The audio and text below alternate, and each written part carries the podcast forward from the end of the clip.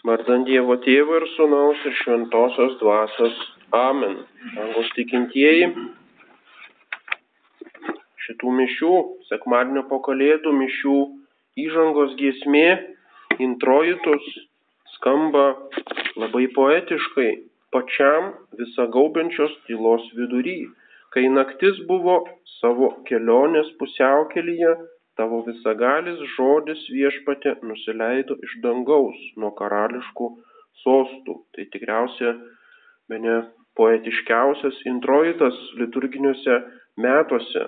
Tas tyliausioje tyloje, tyliau, visagaubiančios tylos vidury nuskamba tas Dievo žodis arba latiniškai sermo, tai yra Dievo kalba, tai ką Dievas mums turi pasakyti ilgiausioje ir juodžiausioje metų naktyje, kadangi Kalėdos tai yra ilgiausia naktis metuose, sužimba akinanti šviesa.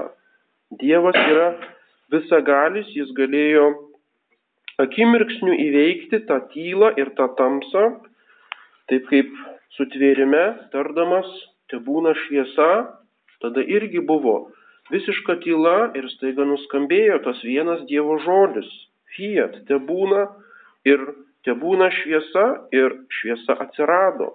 Lygiai taip pat, kaip sutvėrė pasaulį, jis galėjo ir išganyti pasaulį. Tai galėjo pasakyti tą vieną žodį ir visos sielos būtų akimirksniu nuvalytos, apšviestos tą malonės šviesa. Visos sielos galėjo išgirsti, išvysti tą žodį, iš karto atsiversti ir būti išganytos. Tačiau jis pasirinko kitą kelią, jis tapo vienu iš mūsų, tapo žmogumi ir pradėjo sunku išganimo darbą. Taip kaip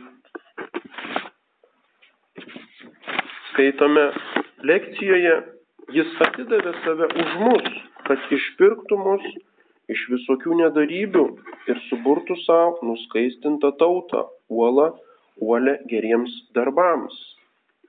Su įsikūnymu prasideda išganimo darbas. Apaštalas Jonas savo Evangelijos pradžioje sako, žodis buvo pasaulyje ir pasaulis per jį atsiradęs, bet pasaulis jo nepažino. Pas savuosius atėjo, o savieji jo nepriėmė. Ir tai taip prasideda kančia, jau nuo Jėzaus Kristaus įsikūnymo ir gimimo. Jau prieš gimimą kančia aplankė jo motina Marija ir Juozapą. Prieš gimimą Juozapas nesuprato Marijos, jis nežinojo, iš kur tas kūdikis, kaip, kokia paslaptis įvyko, nežinojo apie angelo apsilankymą norėjome, norėjo ją tylomis atleisti, nors mylėjo ją iš visos širdies. Taigi jau ta šeima pačioje pradžioje buvo paženklinta kančios ženklų. Paskui varganas gimimas Betlyjaus tvartelyje, svetimame krašte, šaltyje ir neturte, kai niekas nenorėjo priimti tos šventosios šeimos, kai turėjo glaustis su gyvuliais oloje tvarte, Paskui kūdikėlio Jėzaus apipjaustimas pagal Senojo testamento apeigas, tai yra pirmasis kraujo praleidimas. Paskui paukojimas šventykloje, grabnyčių šventė, kurią švesime vasario antrą dieną. Ir štai šios dienos Evangelija jau yra ta pati kaip grabnyčių šventėje. Ta Simeono pranašystė Senelis Simeonas palaimino juos ir tarė motinai Marijai. Štai šis skirtas daugelio Izraelio, nu, Izraelyje nupolimui ir atsikelimui. Ne tik atsikelimui, ne tik tai išganimui, bet taip pat nupolimui. Jis bus prieštaravimo ženklas.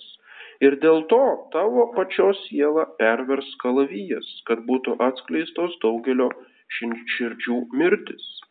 Prasideda kančia, Sopulingosios Marijos kančia. Pirmas kančios kalavijas perveria Marijos širdį vien girdint tuos žodžius, kad jos sūnus taip pat bus prieštaravimo ženklas, kuriam bus prieštaraujama, kuris bus nepriimamas ir kuris galiausiai bus daugelio atmestas.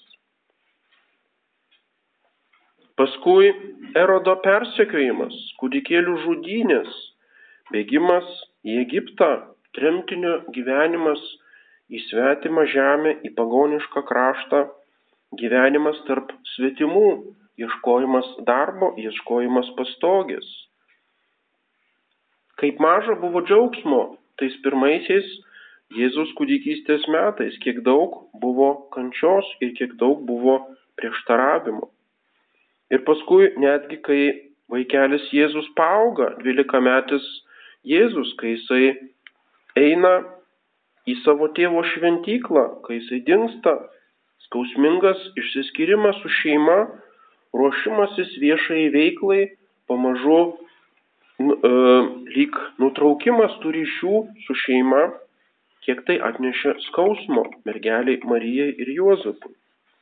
Taigi naujieji metai, šitas paskutinis metų sekmadienis, kaip įžanga į naujosius metus, primena mums kančios ir būsimos aukos nuotaiką. Visą tai yra skausmingi įvykiai, kuriuos turime prisiminti, kurių turim nepamiršti.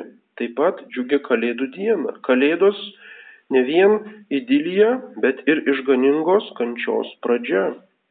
Galime jau apie tai mąstyti ir prie prakartėlės, taip kaip eidami kryžiaus kelią, vienydamėsi su tomis pirmosiomis Kristaus ir Marijos kančiomis, su tais septyniais Marijos sopuliais. Tai taip pat yra dalis to apmąstymo ir tos maldos prie prakartėlės. Kristus yra karalius, bet iš pat pradžių yra persekiojimas ir tremiamas karalius.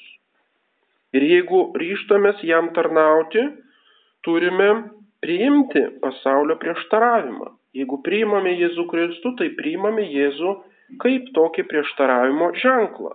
Taip kaip jam prieštaravo, taip ir mums bus prieštaraujama ir mes patys tapsime tokiu prieštaravimo ženklu ir teks mums šiek tiek pakentėti.